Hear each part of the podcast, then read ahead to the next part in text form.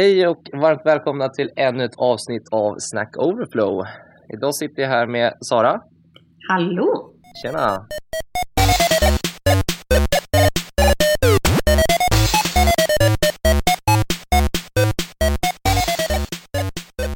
Och vi tänkte snacka framförallt något som, eh, som jag har gått och grubblat på under detta året ute på, på uppdrag. Och det är just att ja, men liksom konsultens ansvar. När vi säger konsulten så menar vi ju såklart, jag och Sara vi är ju systemutvecklare. Eh, så vad blir liksom vårt ansvar i, i våra uppdrag där vi, när vi har en otydlighet från beställaren, alltså vår kund och liksom var går ramarna eh, för vårt ansvar? Är det liksom bara det tekniska eller ska vi också ta politik och organisatoriska frågor? Och egentligen vart går ramarna för vårt, för vårt arbete? Mm. Eh, har du något inspel där, Sara, som du skulle vilja lyfta? Ehm, ja, jag tycker att det är en väldigt intressant fråga. Och det är ju liksom något som kanske inte riktigt har ett konkret svar. Och jag är ju väldigt intresserad över vad det är som har gjort att du har tänkt på det här. Liksom, har du något eh, konkret exempel ifrån din eh, konsulterfarenhet? Absolut. Eh, jag kan nog dra fem exempel på, på handen direkt, men vi kanske ska hålla oss till, till några i alla fall. Eh, nej, men ett, ett problem som jag har märkt eh, specifikt under, under det här året som gick under pandemiåret, det är att nu när alla har jobbat hemma och liksom inte har kunnat ses. Jag såg även det här problemet innan, innan pandemin ska jag säga. Mm. Men det blev extra tydligt nu när alla har suttit hemma. Eh, och det är då att vi, vi är ett stort projekt. Vi är ungefär 50 personer i projektet eh, Mm. som är uppdelat i väldigt små team. Vissa team är mellan 10 personer och vissa team är 4-5 personer. Och så har man sådana team. Och det, det här kommer bara skala eh, potentiellt på sikt till 100-200 personer. Eh, vi ska få in ungefär 38 system i den här plattformen som vi bygger. Och vi har nu ungefär 10 system. Så det är bara eh, räkna lite på det. Och Då har vi både offshore-team och vi har in-house-team som ska jobba tillsammans eh, i en konstellation. Men då har vi märkt att det här, när vi har en ledning, en ledningsgrupp som sitter och bestämmer egentligen vad vi ska göra på kvartalsbasis. Eh, den här organisationen kör ju SAFE, Ja. så då planerar de utifrån det. Varje, är det varje kvartal i, i SAFE eller är det varje Ja. tio veckor? Det, va? Eh, 12 veckor. 12 veckor är det. Och då kommer ju de tillbaka från liksom sina stora safe-möten och så drillas det ner i teamen att Mm. det här ska ni göra. Mm. Ehm, men då har vi märkt att om, liksom, om planeringen inte sköts utifrån vårt perspektiv i den riktningen eller det som vi känner att vi behöver i de här safe-tågen Mm. så kommer det tillbaka till oss och så har vi antingen inte den roadmappen som vi anser att vi behöver göra eller att vi plötsligt kan vi sitta där och inte ha någonting att göra för att det kanske inte låg inom det, liksom, det spannet den här vad kallar man perioden i sig? Man kallar det ett, Ett inkrement? Ja. ett inkrement. Eh, och då har vi märkt att ja, när det drillas ner till oss eh, så har vi märkt att ja, men det, här är ju, det här kan inte ens vi göra. Eh, det, ibland kan det bero på tekniska liksom, begränsningar. Att, ja, men för att vi ska kunna göra det här så måste det här. Det här Mm. Alla de här problemen som ska lösas egentligen i safe-tågen. Mm. Hitta de här eh, beroenden till varandra. Eh, speciellt när vi inte får vara med i safe-tågen heller. Utan det är ledningsgrupperna som är med. Men vänta, Eh, ditt riktigt. team får inte vara med i saveplaneringen? Nej, inga, inga av våra team är med utan det här, det här är ett safe-tåg som liksom sker på högre nivå som vi också inte riktigt förstår. Att safe ska ju liksom involvera hela verksamheten men så har man vissa, vissa delar av verksamheten som är safe och vissa delar som inte är safe och sen ja, Mm. och så är det en stor flora av alla agila metoder plötsligt som ska jobba Mm. eh, tillsammans. Och det, det ska ju gå men eh, det har inte fungerat jättebra här. Eh, Men i alla fall, för att återkoppla då till problemet, då är att vi får ju då tillbaks en, en roadmap som antingen inte är genomförbar eller, in, eller så är det för mycket eller så är det helt fel scope. Mm. Och då kommer vi till frågeställningen, okej, men när vi får det här problemet i knäna, eh, vi utvecklare, Mm. är det vårt ansvar att driva det uppåt igen till organisationen och säga så här, nej vi kan inte göra så här, vi måste göra så här och då egentligen påverka den satta roadmappen för det här inkrementet. Eller vems ansvar är det? Speciellt då kanske när vi också anser att vi har eh, hur ska man säga, vi har projektledare som inte heller har liksom domänkunskapen eller liksom Mm. koll för att kunna driva det. Och då hamnar det på oss, på oss utvecklare att driva det. Eh, är det vårt ansvar Mm. eller inte? Ja, det är så himla svår fråga. Och jag har själv varit i liknande situationer så många gånger och det är så fruktansvärt amotiverande att hamna där liksom. Och jag känner ju själv för min egen eh, sanitys skull så Mm. tar jag ju det arbetet liksom. För det är Precis. så himla tråkigt att bara vara en kodapa. Och när man då dessutom känner att den här deadlinen har satts åt mig av någon annan som inte har koll på vad det är som krävs. Och det är det som stör mig så himla mycket med sig, för att de lovar nästan, eller liksom deras selling point är ju att det ska bli mer agilt. Men i många fall så förhindrar det, eller det är det jag har upplevt på de uppdrag som jag har varit. Liksom, att Ja, att det blir mindre kommunikation och det blir mindre agilt för man gör de här tre månaders planeringarna liksom. Eh, och sen kan man ju diskutera att ja, men det kanske är kortare tidsspann än vad man har haft innan där man har haft liksom ett till två års planeringar. Men eh, det känns som att det går också emot det agila att ha en tre månaders planering. Mm. Så ja, men det låter väldigt intressant att det här är ett tåg då. Eh, jag tänker också för våra lyssnare som kanske inte vet vad SAFE är för någonting. Men det, är, det står ju för Scaled Agile Framework. Och ett tåg i SAFE är eh, ett gäng med olika typer av team. Det behöver inte bara vara IT-team utan det kan vara andra team som då går ihop för att eh, strömlinjeformat producera värde till organisationen. Ehm, Men det låter jättekonstigt då. Och det, det här är också ett problem som jag har sett på många olika ställen att tågen som man sätter upp först blir fel. Mm. Så alla som är involverade är inte liksom med i rätt tåg eller så är det fel team. Och en del av den agila processen är ju att testa och ta in data och göra om och göra rätt. Eller testa någonting nytt liksom. Kunna pivoa. Men i och med att de här organisationerna som är så nya till agila processer, som sätter upp de här tågen och de här teamen, de har inte mindsetet om att ja, nu behöver vi byta team eller nu behöver vi, Mm. vi har märkt att det här tåget inte riktigt funkar, det är någonting som är lite off. Och det blir liksom så himla långa feedback-loopar hela tiden också. Och då blir det ju liksom, okej men ska man som gräsrot, som jag brukar kalla mig själv som, som kodare, ehm, är det mitt ansvar då? Precis som du Mm. frågade, är det mitt ansvar att säga till?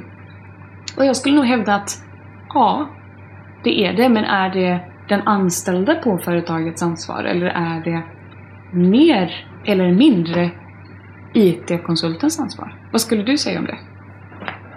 Ja, alltså jag tycker att man brukar alltid skämta om det här att man, man tar in att konsulternas liksom arbetsbeskrivning är lite otydlig av, av naturens sak. Liksom. Mm. Eh, så att vi, vi kommer in och ska te- ta en teknisk roll men indirekt så ska vi också lösa andra problem som Mm. är odefinierade när vi kommer in.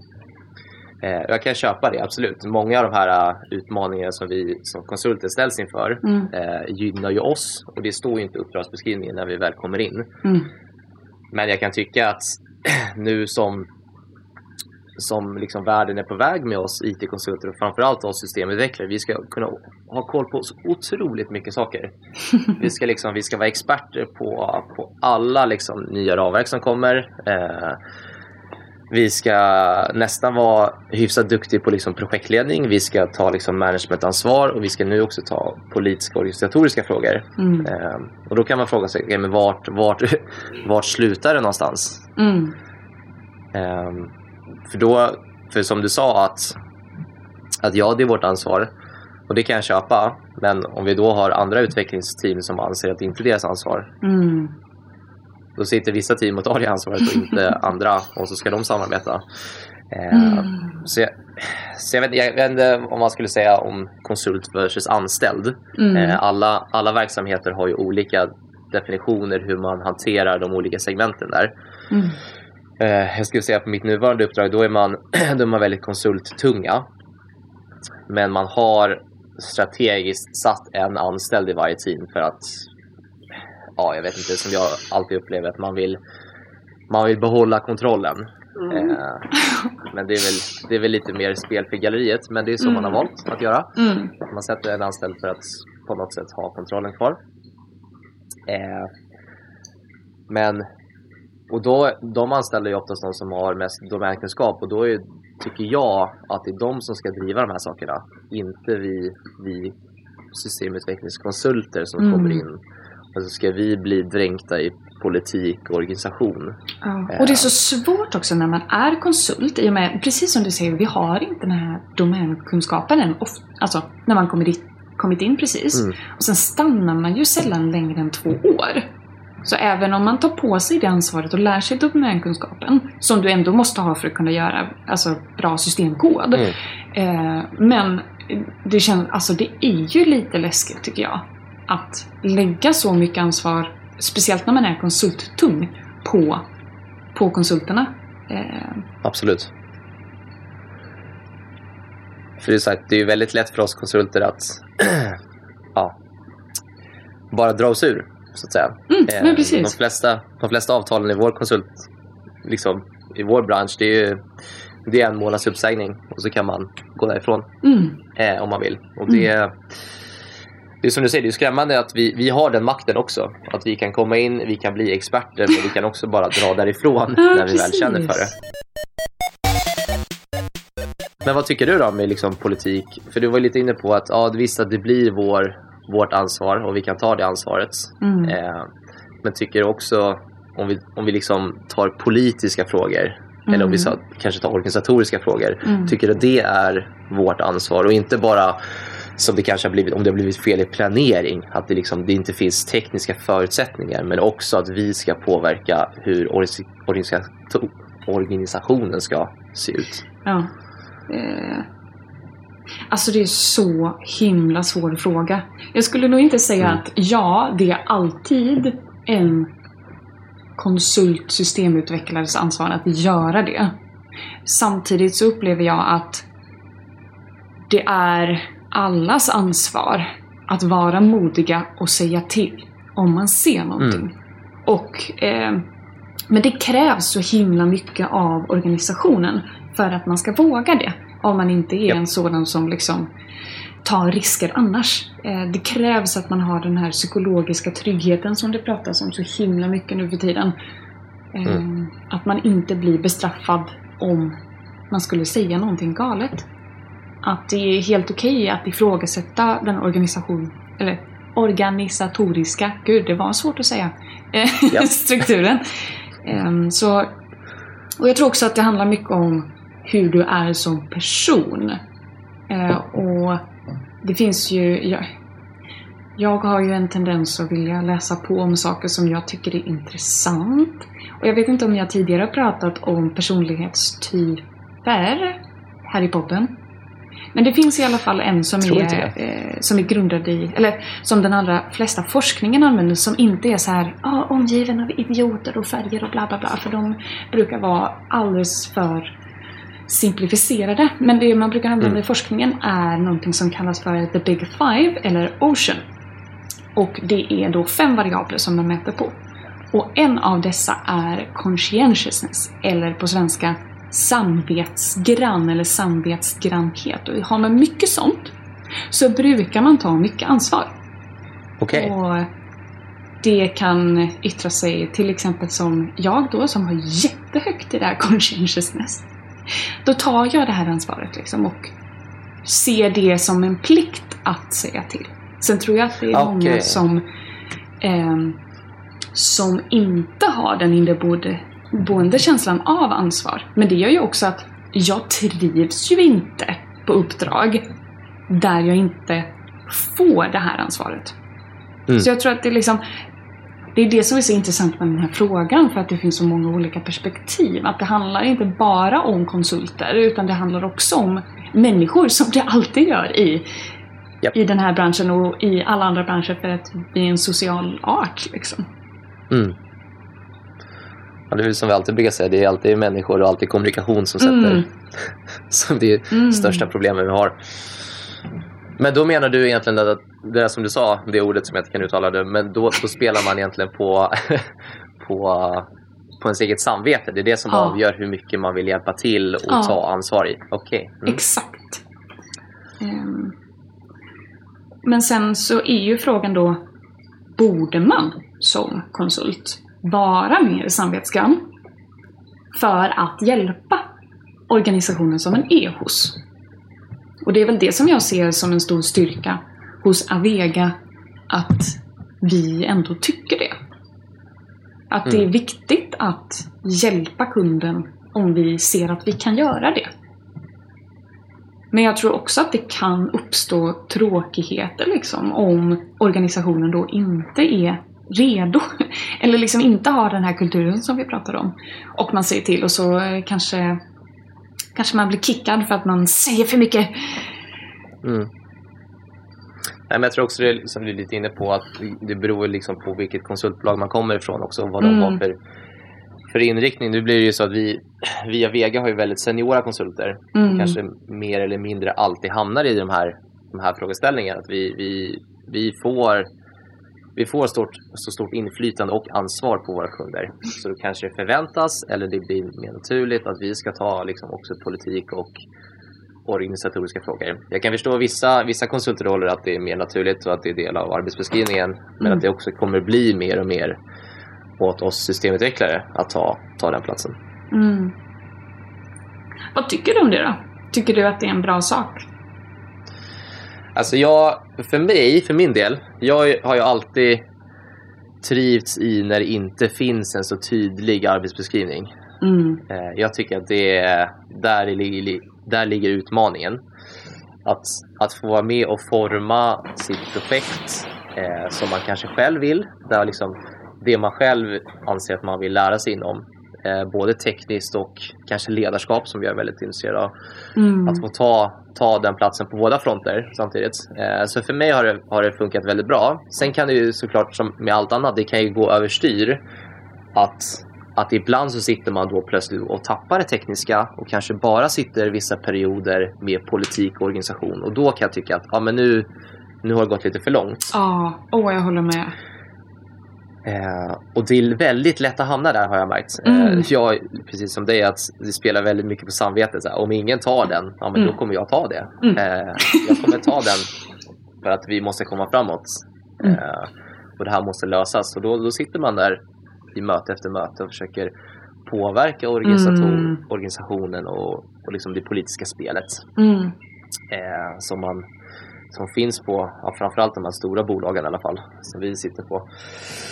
Eh, så jag tycker visst att det, det är delvis bra, absolut. Eh, jag tror att det stärker alla, alla våra konsulter av den erfarenheten med oss.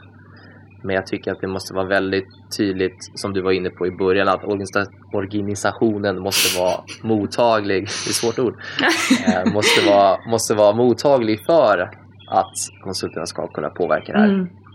Mm. Har man den, den approachen som jag har upplevt lite att man, man särskiljer lite på konsulter och anställda. Att Mm. konsulterna, liksom, ni kommer in, ni ska arbeta med det här. Men så tvingas vi också ta politik och Mm. organisatoriska frågor Mm. som de vi inte vill att konsulterna ska ta. Då står Ja. man där i moment 22 att okej, men ska, vi måste ta det men vi får inte ta det. Ja, verkligen. Åh. Och jag undrar Eh. där också om det kanske är skillnad i Stockholm och Göteborg. Upplever Mm. du att det görs skillnad på konsulter och anställda? inte... Jag ska säga de, de uppdrag jag har varit på, det är väldigt konsulttunga beställare. Mm. Eh, och där, där har ju liksom konsulterna behandlats otroligt väl. Mm. Absolut. Men man kan märka ibland i vissa segment, ett sånt här segment specifikt, Mm. att ibland när konsulten kanske får lite för stort inflytande, lite för stor makt Mm. eh, och påverka Mm. eh, som kanske inte ska ha det. Då, då kan man verkligen säga, nej men nu du är konsult bara, nu, du ska inte ta de här frågorna. Och du, och du har faktiskt blivit tillsagd liksom, du får inte stå Ja, på belägg. precis. Ja, jag, har suttit, jag har ju suttit med i sådana liksom ledningsmöten och så. Ja. Eh, och är väldigt frispråkig men väldigt politiskt korrekt på det sättet. Ja. Eh, Att så här, det här måste vi lösa för att komma framåt. Ja. Och då, då kan man ibland få det till sig att ja absolut, det här måste vi lösa men det här är det vi ska lösa. Absolut, gör, det. Och, så, och det är jag helt fine med. Men du får nog återkoppla liksom, till mig när det är klart. Åh, vad byråkratiskt det låter. Mm. Alltså jag blir Men då blir jag, då blir jag the bad guy när jag kommer tillbaka och hej, är det löst? Ja, ja men visst. Eh, Åh. Men det kanske är, ja, det kanske är en sån här storstads... Eller ja, om man ska snacka Stockholm, Göteborg. Jag vet inte. Mm. Jag, jag tror också att du har haft roller där du har haft mer inflytande. Jag hamnar ju, eller jag har, har mest haft liksom roller som systemutvecklare. Eh, och jag Mm. måste kämpa för att få lov att prata om organisationsstruktur. För det är så himla viktigt för mig med organisationsstrukturen. Eller snarare att sitta i ett team där vi har autonomi och mandat. Så att Precis. vi kan göra bra produkter och då spelar det jättestor roll hur organisationen ser ut. Oh, ja. Då blir jag som jag blir och så tänker jag There must be a better way. och så Ja. läser jag på. Och så eh, går jag sen ut till organisationen och predikar. Nej, det gör jag inte. Men Mm. jag försöker påverka. För att jag ser att det behövs liksom. Och det är så himla svårt när man då inte i sin roll har fått den beskrivningen. Precis. Ehm, så jag tror att du och jag har liksom suttit på i olika ändar av det här spektrumet av konsultens roll. Liksom. Ehm, Mm. Ja, verkligen. Men det, och det är jättesvårt och det tar jättelång tid och så, som konsult då, så kanske man inte stannar superlänge på varje ställe. Och då blir det också så här, ja men hur mycket tid ska man lägga på det? Hur mycket ska man kämpa när man ser att man verkligen kan hjälpa till? Mm. Men också behöver eh, stångas liksom för, för att komma fram. Ehm, så det, det tycker jag är intressant. Eh, men ju mer man har argumenterat för sin sak, desto mer data har man ju till nästa gång. Till exempel, eh, jag tycker ju att Lean UX är ett himla Mm. bra sätt att få ner experimenterande till teamen. Och det här har jag ju dragit nu på tre olika uppdrag hittills. Och det är ju väldigt spännande för jag blir bättre och bättre på själva metoden men också bättre för att Mm. argumentera för att vi ska få prova det.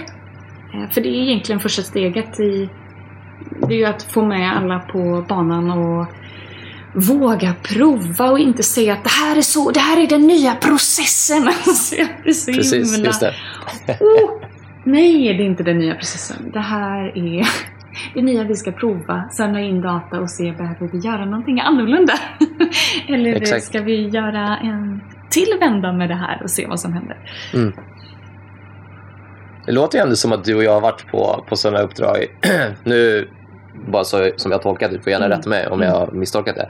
Men att vi har varit på verksamheter där man, liksom, man marknadsför sig att man jobbar extremt agilt. Mm. Men som egentligen är toppstyrt agilitet som trycks ner i teamen Ja. i ett processtänk att nu ska ni jobba så här. Mm. Eller hur? Ja, det stämmer. Vad tycker du själv, eh, själv då, liksom, om konsultrollen med, när du, när du sitter på intervju och får en arbetsbeskrivning? Mm. Eh, tycker du om att den är liksom extremt tydlig eller tycker du om att det finns liksom gaps där du kan fylla liksom dina, Mm. dina saker? Eller vad tycker du? Ja, jag håller ju med dig om att... Alltså, jag tänker ju mycket på sånt här. Om, för jag, jag drömmer ju om att starta eget företag någon gång. Mm. Och jag försöker se det som att om jag håller en intervju så letar jag efter rätt person, inte efter rätt kunskap. Mm. Och samma sak tänker jag när jag sitter på andra sidan, att jag letar efter rätt team. Inte nödvändigtvis ett team som redan kan allt. Precis. Och där blir det ju också så här att jag vill komma in, precis som vi pratade om innan, jag vill komma in i ett team som är som håller på med roliga saker men som också är autonomt och som har en bra eh, kultur. Så att Mm. det inte blir att, för att jag kommer in och känner det här stora ansvaret och har många idéer. Det kan bli en jättedålig match om jag kommer in i ett team som inte har den här öppna kulturen. Och då blir det bara liksom skavsår och friktion istället för att jag faktiskt hjälper till. Och det är Mm. så himla tråkigt. För då har man ju misslyckats med intervjun. Oh ja. Så jag kollar mycket mer på så här mjuka värden i, under en intervju och försöker förstå hur, hur platsar jag i det här teamet? Hur kan jag hjälpa till? Och eh, kommer jag komma... Alltså, det handlar ju dels om hur kan man hjälpa företaget men också hur kan företaget hjälpa mig? Hur Absolut. kan jag bli bättre av att vara på det här stället? Ehm, så som svar på din fråga är ju att jag tycker mycket bättre om när det är lite fluffigt. Så faktiskt på den senaste intervjun eh, jag var på så frågade min konsultchef men om Sara tackar ja liksom. vad kommer hon få för roll på uppdraget? Och då sa de nej men hon, eh, hon får göra det hon känner att hon kan hjälpa till med. Hon har ingen specifik roll. Och jag bara yes! Var, var det så då när du kom in då? Eller var det, var det Mm. snack? Det måste jag fråga. Alltså, vi... Han chefen som sa detta, han, han slutade innan jag började väldigt abrupt. Så det har faktiskt varit lite tråkigt. Men sen så har vi fått in en ny chef som är superbra. Så, Mm. Och han började samma dag som jag. Så det var, vi har liksom lärt känna varandra och lärt känna företaget samtidigt. Eh. Så det känns väldigt bra. Men samtidigt så är det ju också det är så himla svårt att vara både utvecklare och vara involverad i organisationen. För Oh ja. eh, jag mår ju dåligt liksom, alltså, om jag inte får koda. Samtidigt som jag mår dåligt av att bara få koda. Och det är jättesvårt att ha den balansen. Svårt den balansen. Ja. Ja. Ehm, så, och det, min, min teori är ju att om man verkligen fixar ett team som kan jobba tillsammans Mm. då är det mycket enklare att få vara med i den här autonomin eller i, liksom, i planerande fasen. Alla tycker att det är kul. Men också att få hjälpas åt och komma närmare målen. Liksom. Och det där tycker jag att man kan göra på så himla många olika sätt. Och som att det går att effektivisera på de allra flesta ställen. Liksom. Nej, men jag tycker det är intressant där, vi har mycket pratat om det när vi, liksom, när vi sitter i intervjusituationer eh, som många kanske anser, som jag hoppas att man, man, man ser igenom, men att när man kommer på intervju, det handlar ju mer om att du ska hitta ett team som du vill jobba i, som du kan Mm. bidra i. Eh, så det är jätteviktigt att, att, vi, att vi intervjuar kunden. Och Mm. inte bara att vi ska få en teknisk screening eller genomgång av projektet och så Mm. ska kunden välja oss. Det här är ju Mm. Avegas eh, största matchningsprincip 1 till 1. Mm. Eh, det, ska ju, det ska ju vara vi som väljer uppdrag. Eh, och det är vi som kommer in och, och väljer, det är inte bara kunden som vill ha oss. Mm. Men det tror jag, ja, jag är lite inne på, eh, vi borde snacka mer om det. Där, vi har ju pratat om det i intervjusituation. Vad, vad är det man går på? Hur Mm. håller man en teknisk screening? Vad, Mm. liksom, vad kan man tumma på i det tekniska för att ta in de mjuka värdena som vi har pratat om som är mycket viktigare? Mm. Eh, för jag tror att man tappar väldigt mycket, många människor, om man har approachen att man tar en, en väldigt hård teknisk screening och så är det några delar som man inte ja, har jobbat med, kan det vara så. Och så Mm. tappar man den människan, men som har jättestor potential och Mm. Blir bra på sikt. Ja, där har man ju varit också på andra sidan liksom att man får tillbaks att du verkar svinbra och eh, liksom nyfiken och vill lära dig många Mm. saker men eh, du kan bara ett programmeringsspråk. Så Precis. vi kan inte anställa dig. ja, man bara, men Ja. du sa precis att du trodde att jag kunde lära mig fort. Ska du, ja, alltså man blir ju ledsen på något sätt också. Eller så här, jag blir det i alla fall. Vet inte hur. Ja, ja, absolut. Men... eh, ja, ja, det borde vi definitivt prata mer om.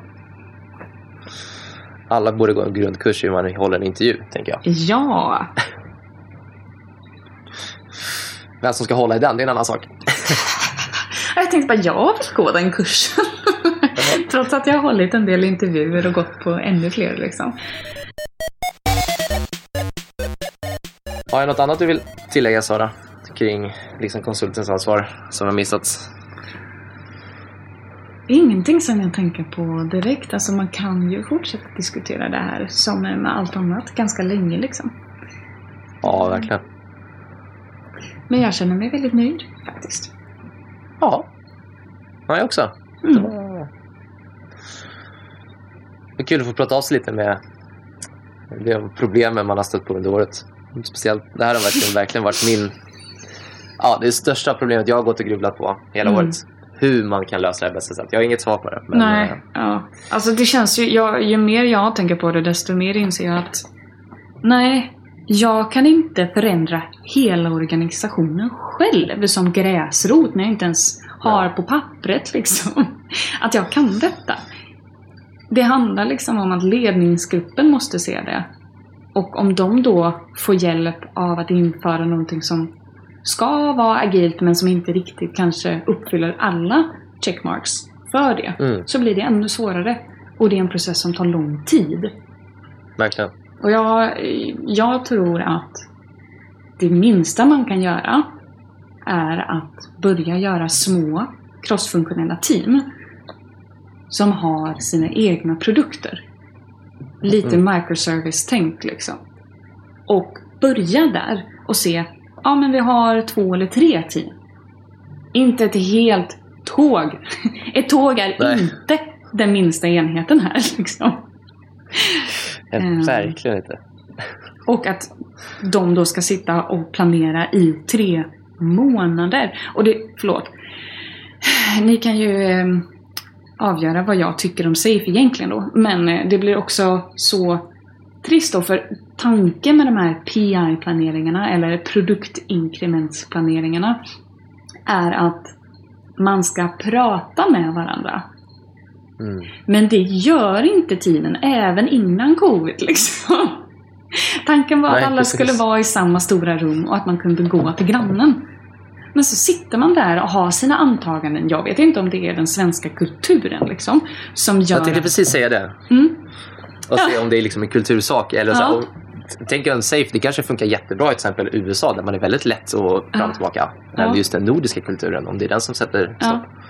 Och jag tror också liksom att när man sitter där på och planerar eh, tre månader framåt liksom att eh, det är svårt att föreställa sig vad det är som är eh, problematiskt. Och jag tror också att folk ryggar tillbaka och tänker att nej men vi tar lågt hängande frukt först. Vi börjar med det. Men det kan istället orsaka att du skjuter upp risken väldigt länge. Japp. Så om man inte planerar så långt fram och att alla team är agila och att man har liksom ett gemensamt det här är viktigast. Då tror jag Mm. egentligen inte att det borde vara några problem att samarbeta. Men det är ju när organisationen växer och växer och växer. Och jag har ju liksom mina idéer om vad jag tror är bra men jag har aldrig fått testa dem. Mm. och det är där jag känner bara åh, kan, kan, kan jag inte få testa det här? Var, var kan jag få testa det här någonstans? För att liksom Mm. antingen falsificera det jag tror och sen kunna säga och predika om safe att det är det bästa som finns. Ehm, det, ja, det är himla svårt. Och Mm. just också det här med att ledningen sitter och planerar det som teamen sen ska göra som är liksom flera nivåer ner i den här hierarkiska strukturen. Det känns Ja. också svårt. Så det är, det, ju, det är ju så himla viktigt att alla tar det här ansvaret då, liksom, som vi pratar om. Att Absolut. visa på att det här funkar inte riktigt för annars så sätter man ju hela företaget i, i spel liksom. Om man inte på något sätt Oh ja. kan vara ärlig. Bättre kommunikation. Ja, våga prata med varandra liksom. Mm. Så himla... Och det, jag menar det är ju så himla roligt med människor också. Det är ju där det blir connection, det är ju inte med datorn. Nej, precis. Ja, vi har ju chattbottar numera. Det är väl... Vet du, jag har hört om en chattbot-terapeut. Och det enda den gjorde, det var att ta det du skrev och skriva det tillbaka som en fråga. och den fick så bra reviews. Och jag måste hitta källan på det här, jag läste det i någon bok någon gång. Ja, Så det himla intressant. Ja, Bästa terapeuten, bara spegla tillbaks det du säger själv. Så bara, bara bekräfta liksom. ja, precis. Ah. Har vi några mm, veckans eh, tips? Eh, jag började på en bok förra året som, som jag inte eh, slutförde så ska jag ta upp den igen och läsa om den. Men det är en A Brief History of Human Mankind. Oh, Ska jag läsa. eh, och vem, eh, vem är det som är Som författare? är, det är Yuval Noah Harari som har skrivit den. Stavas det med Y? Om man uttalar Yes. Ja. Har han skrivit är en bok som heter som Sapiens också? Ja, det är den. Ja. Det är den. ja, det är det. Den har jag läst. Den var Precis. superintressant. Eh, vissa saker som är uh, kanske övergeneraliserat. Eller så här, ah, två datapunkter, nu går vi på det här spåret. Ja. Eh, men ja, han hade kunnat problematisera mer. Eh, för att Mm. visa på att vi har inte alla svaren. Men superduper intressant i vilket fall. Mycket bra. Så det är Mm. det jag ska göra den här veckan. Eller Mm. kommande vecka tänker jag. Kul! Ja, då tänker jag fortsätta på det här bokspåret. Mitt eh, veckans tips är skaffa en eh, ljudbokstjänst. För det är Mm. så jävla gött att kunna lyssna på böcker. Och framför allt så tycker jag att Audible är superbra. De har jättebra Mm. utbud och det finns till och med systemutvecklingsböcker. Vissa läser Okej. upp koden, som är exemplen. Det kan jag verkligen inte rekommendera. Men det kan man lösa genom att eh, få tag på typ en pdf på boken så att du kan titta på bilderna när de kommer upp. Ah, Eh, är det en riktigt bra ljudbok så får du faktiskt med figurerna så att du kan titta på dem. Okej. Eh, och sen ytterligare tips då, för jag som tycker om att lära mig saker, eh, jag har ju mitt sätt som jag pluggar på. Vilket är att jag gör flashcards efter, eller under tiden jag läser en bok. Så att jag kan repetera det som står i boken. För jag känner så här, varför ska jag läsa boken om jag inte kommer komma ihåg den sen? Det är ju lönlöst. det är ju precis. Tid som jag bara har wasteat. det kan vi inte ha. Eh, så innan när jag läste böcker så skrev jag ju vid sidan av. Men när man lyssnar på en bok då är det väldigt svårt Mm. att gå omkring och skriva samtidigt. Så det jag har insett är att man kan göra bokmärken i de här ljudböckerna. Och Okej. Eh, då får du, det jag skriver i, då gör jag ett bokmärke och så skriver jag en fråga som blir då frågan till mitt flashcard. Och sen så har jag svaret där i det lilla ljudklippet där jag gör bokmärket. Okej. Så är det bara att gå över dem sen och eh, kom, då blir det dels en inlärningsrepetition att behöva lyssna på klippet igen om du inte kommer ihåg svaret på frågan. Just det. Och så sen kan du skriva in det i dina flashcards. Eh, och då kan jag eh, också ge tipset att Anki är ett bra eh, open source eh, gratis program för flashcards. Som funkar Okej. både på datorn och telefonen. Anki, säger? Ja, och det finns också eh, jättemånga olika system som heter Anki. som är just flashcards, för det betyder typ att minnas på japanska eller någonting sånt där. Jag kommer inte ihåg. Eh, Yes. Ehm, så det kan vara så att det inte är gratis med appen till iPhone. Nej, om man söker på. Anki så dyker det upp eh, en himla massa. Ja. Ja. Ikonen är en liten blå stjärna i alla fall. Sist jag kollade. Japp. Ja, supernice eh, system faktiskt. Mm. Så det, det, var Bra mina, tips. det var mina tips. Ja. ja. Då får vi väl eh, ta och tacka för oss då. ja, Ja, men bra. men du får ha det så bra. Tack för att ni lyssnade. Hej då! Hej då!